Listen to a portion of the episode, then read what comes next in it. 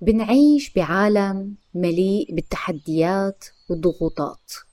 أحيانا بتصادفنا عقبات أقوى من طاقة تحملنا وممكن نجد أنفسنا قريبين أو حتى مصابين بالاكتئاب.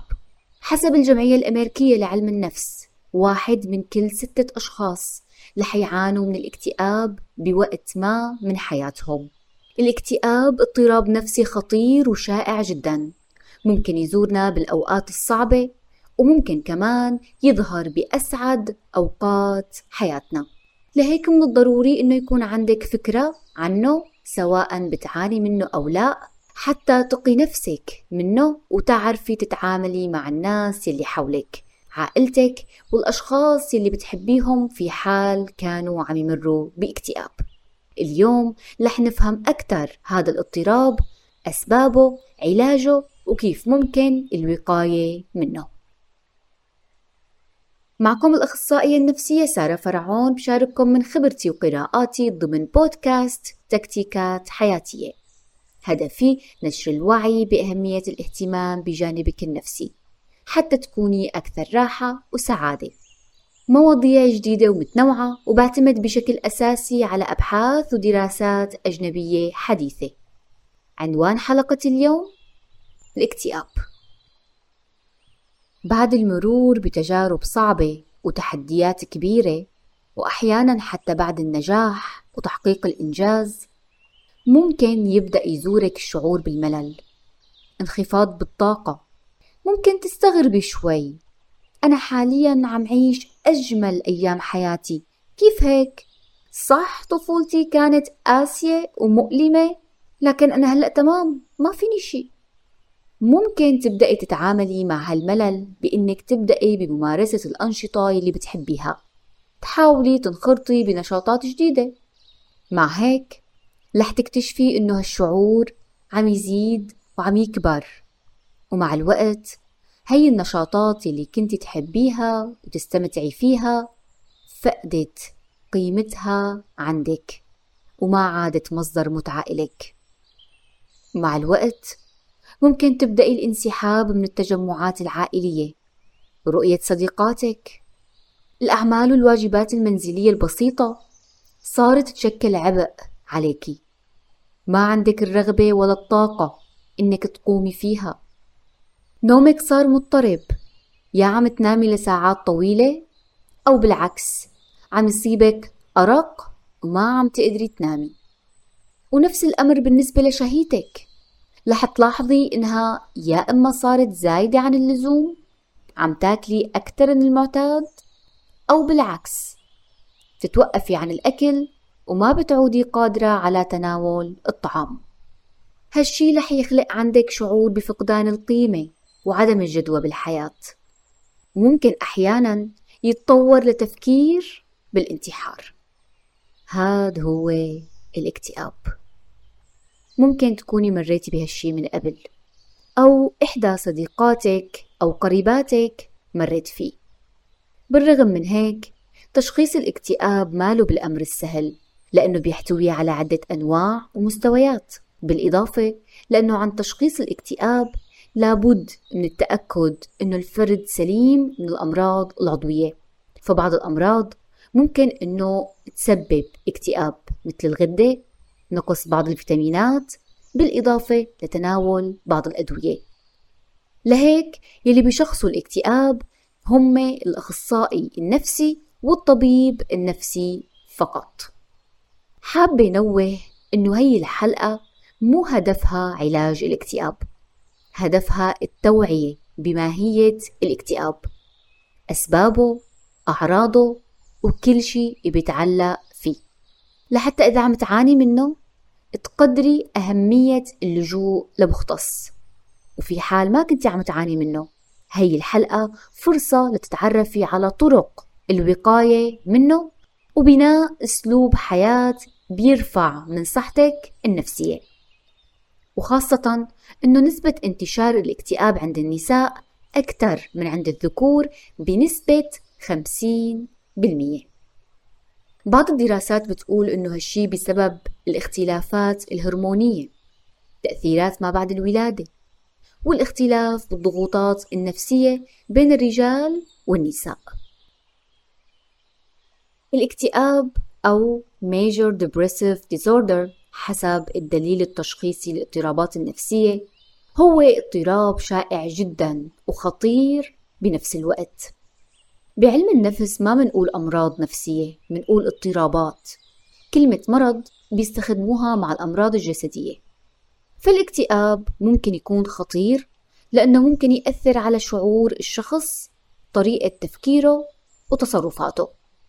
الحمد لله الاكتئاب هو اضطراب قابل للعلاج. بيسبب الاكتئاب مشاعر حزن فقدان الاهتمام بالأنشطة يلي كنت تستمتعي فيها من قبل. نقص بالطاقة انخفاض بالتركيز وممكن أنه يؤدي لمجموعة متنوعة من المشاكل العاطفية والجسدية. وممكن كمان أنه يقلل من فاعليتك وقدرتك على أداء مهامك اليومية. في نقطة كتير أساسية من المهم أنه ننتبه لها لما نحكي عن الاكتئاب. الاكتئاب مختلف عن الحزن. وفاة أحد أفراد الأسرة فقدان الوظيفة الانفصال أو الطلاق جميعها تجارب صعبة إنه نتحملها ومن الطبيعي إنه نشعر بالحزن والإحباط بعدها. لكن غالبا بيوصف الأشخاص اللي بيعانوا من هي الخسائر بإنهم مكتئبين. سارة ليش؟ شو الفرق بين الحزن والاكتئاب؟ الشعور بالحزن ما بيشبه الشعور بالاكتئاب. الحزن هو شعور طبيعي نمرق فيه بعد خسارة أو تجربة صعبة. وكل شخص بيشعر بالحزن بطريقة مختلفة عن الآخر. أشخاص لما بيحزنوا بيصيروا يحبوا ياكلوا وأشخاص آخرين بالعكس بيمتنعوا عن تناول الطعام.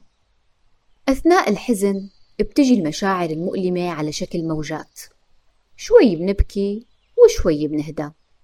بعد شوي ممكن إذا حدا حكى نكتة نضحك لكن بعد شوي بنرجع للحزن وممكن نبدأ بالبكاء.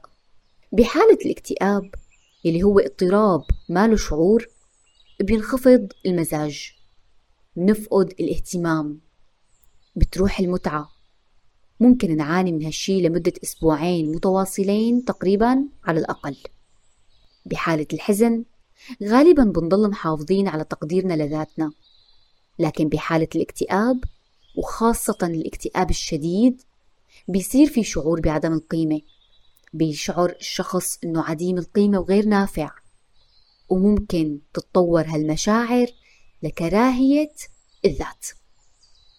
بحالة الحزن ممكن تظهر أفكار الموت وخاصة بحال فقدان شخص عزيز وهالشي رغبة باللحاق بالشخص يلي توفى. أما بحالة الاكتئاب الشديد فبيتم التفكير بالانتحار بسبب الشعور بالعجز وفقدان القيمة وعدم استحقاق الحياة أو عدم القدرة على التغلب على آلام الاكتئاب. يمكن أنه يتواجد الحزن والاكتئاب مع بعض. بالنسبة لبعض الأشخاص يمكن أنه يؤدي وفاة أحد أفراد أسرته أو فقدان الوظيفة أو الوقوع ضحية لاعتداء جسدي أو كارثة كبيرة للاكتئاب. لما بيتزامن الحزن مع الاكتئاب بيكون الحزن أكثر حدة وبيستمر لفترة أطول من الحزن بدون اكتئاب. التمييز بين الحزن والاكتئاب أمر مهم جدا بيساعدك على التصرف بالطريقة المناسبة. إذا وجدت صعوبة بالتمييز بينهم اللجوء لمختص ممكن كتير يساعدك. الاكتئاب ممكن إنه يحصل لأي شخص. حتى الأشخاص اللي ممكن إنه تبدو حياتهم مثالية ممكن يتعرضوا له. لكن الأشخاص اللي حاشوا طفولة صعبة تعرضوا لخسائر أو ضغوطات كبيرة بحياتهم هم أكثر عرضة للإصابة بالاكتئاب. بالواقع في عدة عوامل تلعب دور بالإصابة بالاكتئاب مثل الوراثة. بعض الأشخاص عندهم استعداد وراثي للإصابة بالاكتئاب.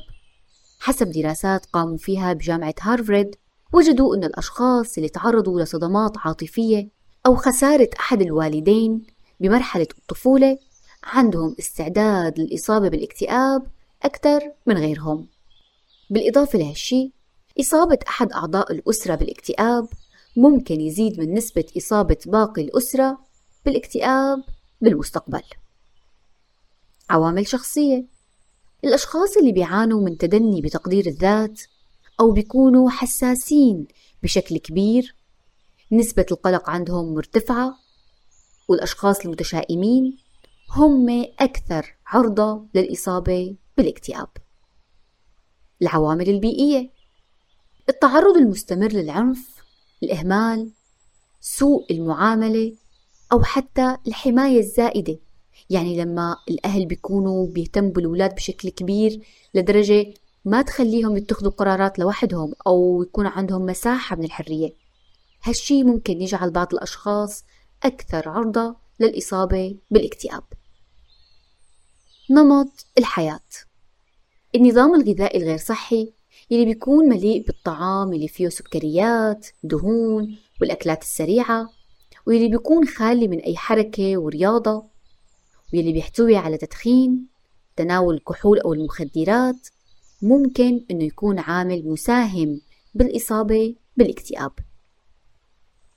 وأخيرا أحداث الحياة المختلفة ممكن تزيد من فرصة الإصابة بالاكتئاب مثل فقدان الوظيفة الدخول بعلاقة سامة أو غير صحية الإجهاد الزائد بالعمل الانعزال أو الوحدة. المرور بتجربة انفصال أو طلاق والإصابة بمرض مزمن. ممكن يخطر لك سؤال أم سارة أنا بعرف كتير أشخاص مروا بهالأحداث هي لكن ما انصابوا باكتئاب. وممكن حتى أغلبكم مر بحدث واحد على الأقل من هالأحداث مثل الشعور بالوحدة مثلا. وكمان ما انصاب بالاكتئاب ما تعرض للاكتئاب. كيف ممكن نفسر هالشي؟ صحيح؟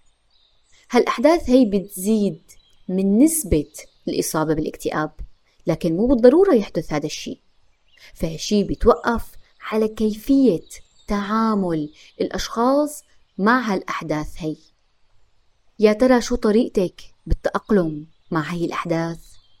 هل عندك مرونة نفسية وقادرة أنك تتجاوزي بسهولة؟ شو هي أفكارك عن الحياة؟ هل عندك أفكار معيقة؟ مثل أنا انتهيت. خلص اتدمرت. ولا أفكارك عبارة عن هالوقت رح يمضي. ما لها نهاية العالم. بكرة برجع قوية إن شاء الله.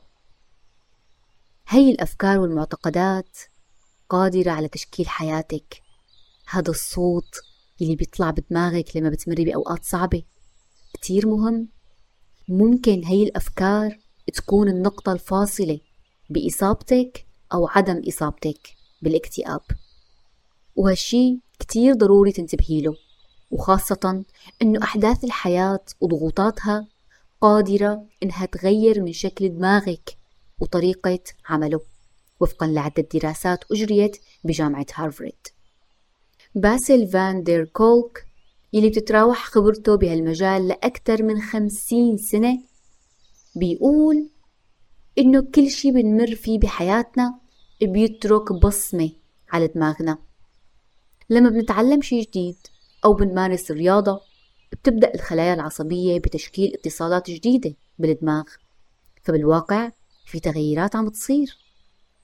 ونفس الشي بيحدث لما بنمر بأزمات بالحياة أو ضغوطات. لكن للأسف بيحدث لكن بشكل معاكس. لما بنتوتر وبنمر بضغوطات هالشي بيؤدي لانهيار وموت الخلايا العصبية. بينما صدمات الطفولة والتجارب الصعبة اللي ممكن يتعرض لها بعض الأطفال مثل فقدان أحد الوالدين المشاكل الأسرية الطلاق التعرض للتحرش أو الاغتصاب وخاصة بدون وجود أم أو أب داعمين وحنونين بتكون هالصدمات قادرة إنها فعليا تغير من طريقة عمل الدماغ لما بيشعر الطفل بوجود خطر ما أو حدث مزعج بتبدأ تظهر استجابة التوتر.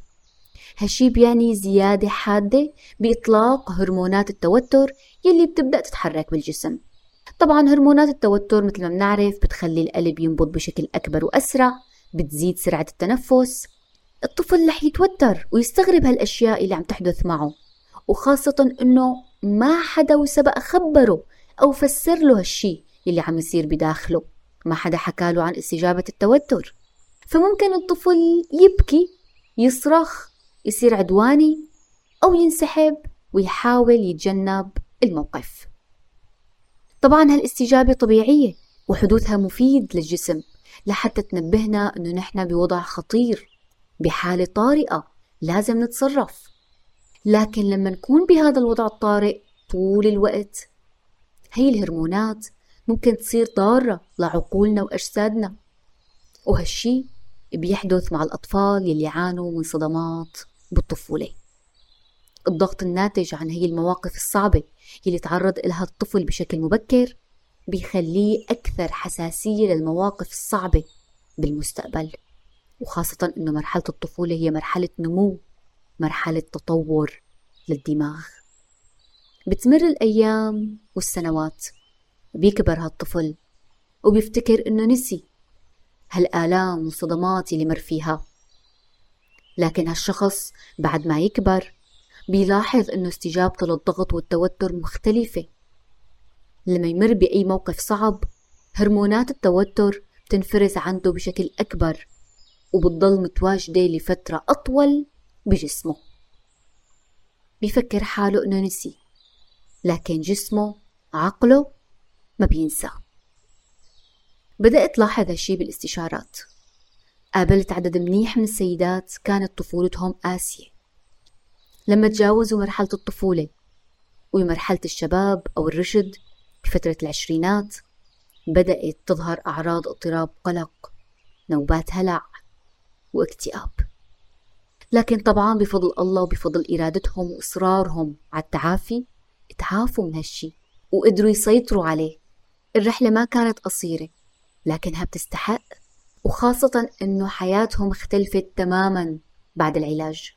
فالدماغ يلي بيكون دائما بحالة توتر بيضعف من قدرة الإنسان على اتخاذ القرارات التحكم والسيطرة على الذات بالإضافة لأنه ممكن يسبب مشاكل بالذاكرة.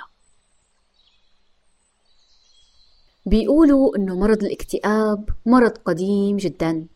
أقدم مخطوطة تاريخية ذكر فيها الاكتئاب المعروف حاليا بتعود للألفية الثانية قبل الميلاد.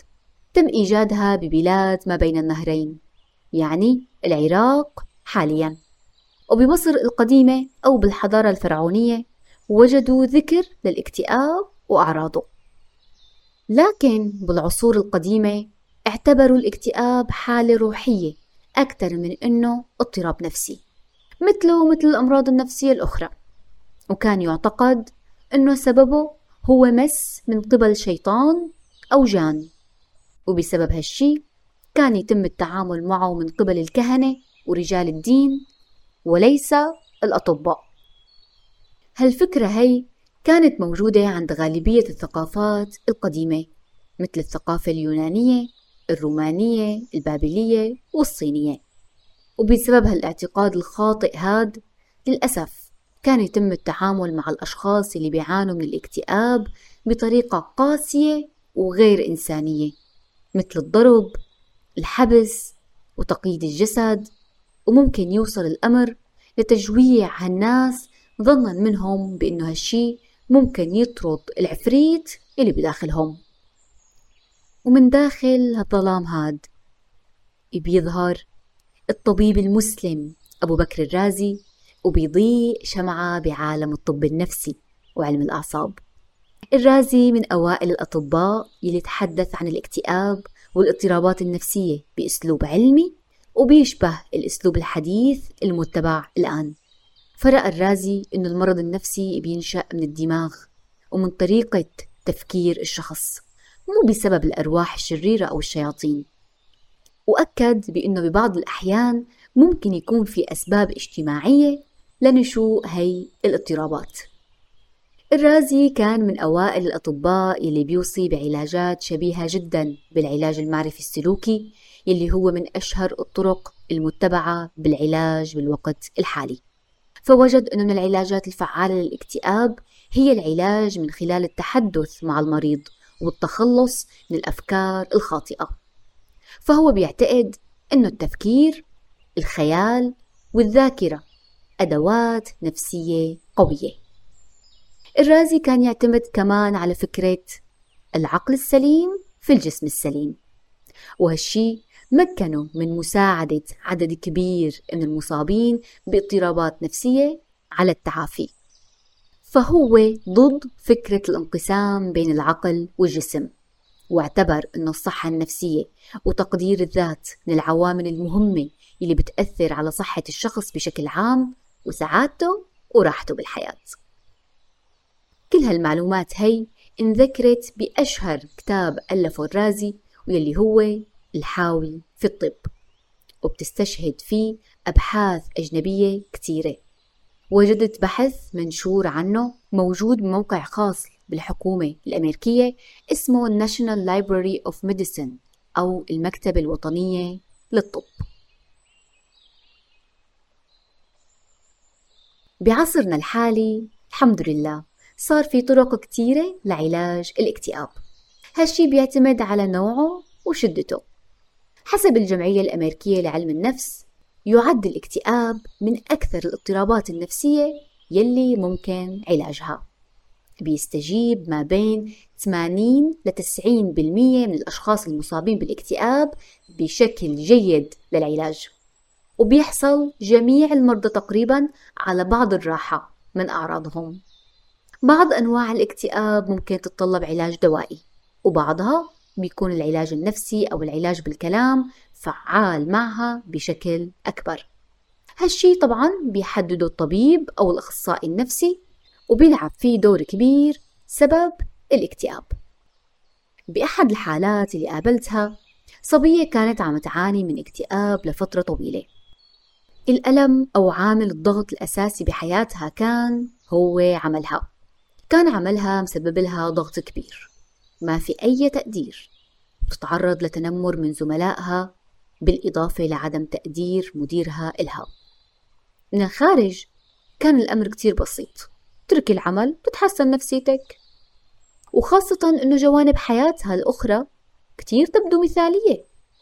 وعملها هو الشيء الوحيد يلي عم يسبب لها ضغط وتوتر ويلي تطور مع الوقت لاكتئاب. لكن الفكرة إنه هي أصلا ما عم تقدر تترك العمل وتتخلى عنه. بالرغم من شهادتها ومكانتها الأكاديمية الجيدة يعني ممكن بسهولة تلاقي عمل غيره. بالإضافة لأنه ما لها بحاجة مادية كبيرة لهالعمل. وبعد بحث وتساؤلات لأعرفها أكثر بيطلع السبب الأساسي وراء اكتئابها وعدم قدرتها على اتخاذ القرار بترك العمل هو وجود تدني بتقدير الذات بشكل كتير كبير بتعود جذوره لقصص قديمة حصلت معها. لهيك التعامل مع الاكتئاب ممكن ما يكون بهالسهولة هي وبيحتاج لمختص ليمشي معك بالطريق نحو التعافي والحصول على الراحة النفسية. مدة العلاج كمان بتعتمد على نوع وشدة الاكتئاب. ببعض الحالات ممكن يستغرق بضعة أشهر.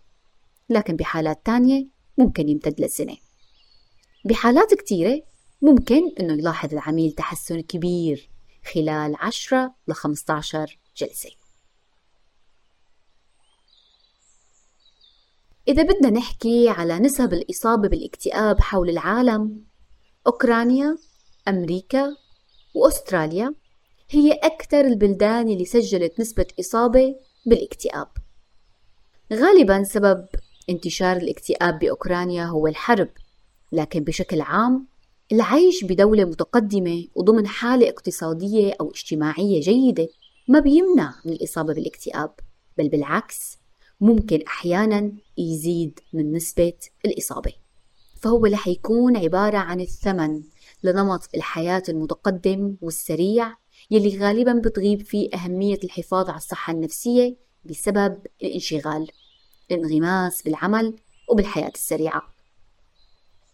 طيب كيف ممكن نعتني بصحتنا النفسية ونقي حالنا من الاكتئاب؟ في كتير أبحاث ونظريات بتخص هالشي. جمعت لكم ثمرة خبرتي المتواضعة وقراءاتي بالدورات العديدة اللي حضرتها بخصوص هالشي واللي تقدمت من جامعات مرموقة مثل جامعة بنسلفانيا الأمريكية. رح أقدم لكم بعض الأشياء اللي ممكن تقي من الاكتئاب وتحسن من صحتك النفسية بشكل عام. أعتني بعلاقاتك.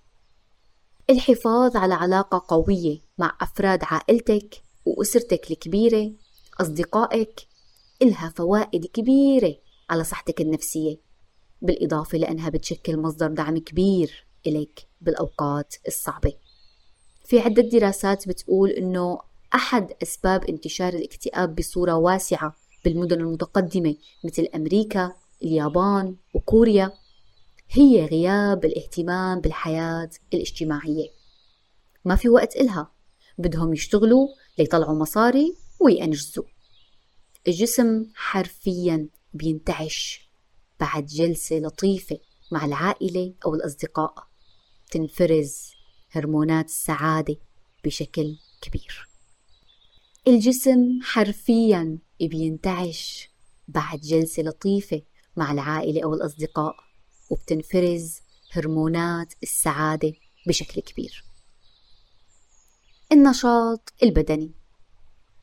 آه الرياضة يمكن تكون من أكثر النصائح اللي بتكره الناس إنه تسمعها وبصراحة معكم حق مية بالمية. أنا تسعين بالمية من وقتي بممارسة الرياضة بكون عم أغصب حالي غصب. بس لأنها بصراحة بتستحق. يعني كيف ما بده يتحسن مزاجك وانت عم تتحركي وتبذلي جهد وعضلاتك وجسمك وقلبك كله كله عم يتحرك وهرمونات عم تنفرز بجسمك. اعملي تجربة. جربي فكري بفكرة سلبية. انت وعم تلعبي رياضة. شوفي شو حيصير معك. حتلاحظي إنك حتوقفي فورا. ما عاد تقدري تمارسي رياضة وانت بدماغك في أفكار سلبية. مستحيل تزبط. الأفكار السلبية مع رياضة ما بيجتمعوا ابدا. ممكن تحاولي بعض الطرق لحتى تحببي نفسك بالرياضة إذا كنتي من الأشخاص اللي ما بيحبوا كتير ممارسة الرياضة. في عدة طرق ممكن تساويها تساعدك بهالشي. ممكن تسجلي بجيم مع إحدى صديقاتك لتحفظوا بعض وتروحوا سوا. ممكن كمان تشتري بعض الأدوات الرياضية وتستخدميها ببيتك وتلعبي رياضة من المنزل. جلب هاي الأدوات الرياضية ممكن يحفزك على خلق جو لحتى تبدأي بممارسة الرياضة. ممكن كمان تتابعي حسابات بال social media خاصة بالرياضة. بصراحة هي كانت من إحدى الطرق اللي حفزتني على ممارسة الرياضة من المنزل. فممكن نستخدم ال social media بشكل إيجابي. ابحثي عن نقاط قوتك ومارسيها. هي الفكرة يمكن ما في بودكاست إلا وذكرت فيه هالفكرة. نقاط القوة مثل السحر. ابحثي عن نقاط قوتك. شوفي شو الأشياء اللي الله وضعها فيكي بشكل فطري. شو هي الهبات يلي الله مدك فيها. تعرفي على نقاط قوتك؟ وابدأي بممارسة نشاطات متعلقة بنقطة القوة هي أو بالنقاط الموجودة عندك. هالشي حيعطيكي شعور كتير كبير بالسعادة واللي حيزيد من تقديرك لذاتك. شلون ما بدك تنبسطي وتفرحي وتشعري بالفخر بعد ممارسة شي أنت بارعة فيه. حافظي على إيمانك. الإيمان عنده قدرة إنه يمدك بقوة رهيبة. ما في شي على وجه الكرة الأرضية. ممكن يمدك بقوة مثلها. فالإيمان بيربطنا مع الله بيربطنا بقوة عظيمة أعظم قوة بهالكون. بدراسة نشرت بالمجلة الوطنية للطب وأجريت بأمريكا وجدوا أن الأشخاص ذوي الانتماء الديني عندهم أفكار انتحارية أقل من الأشخاص الغير منتمين لدين معين.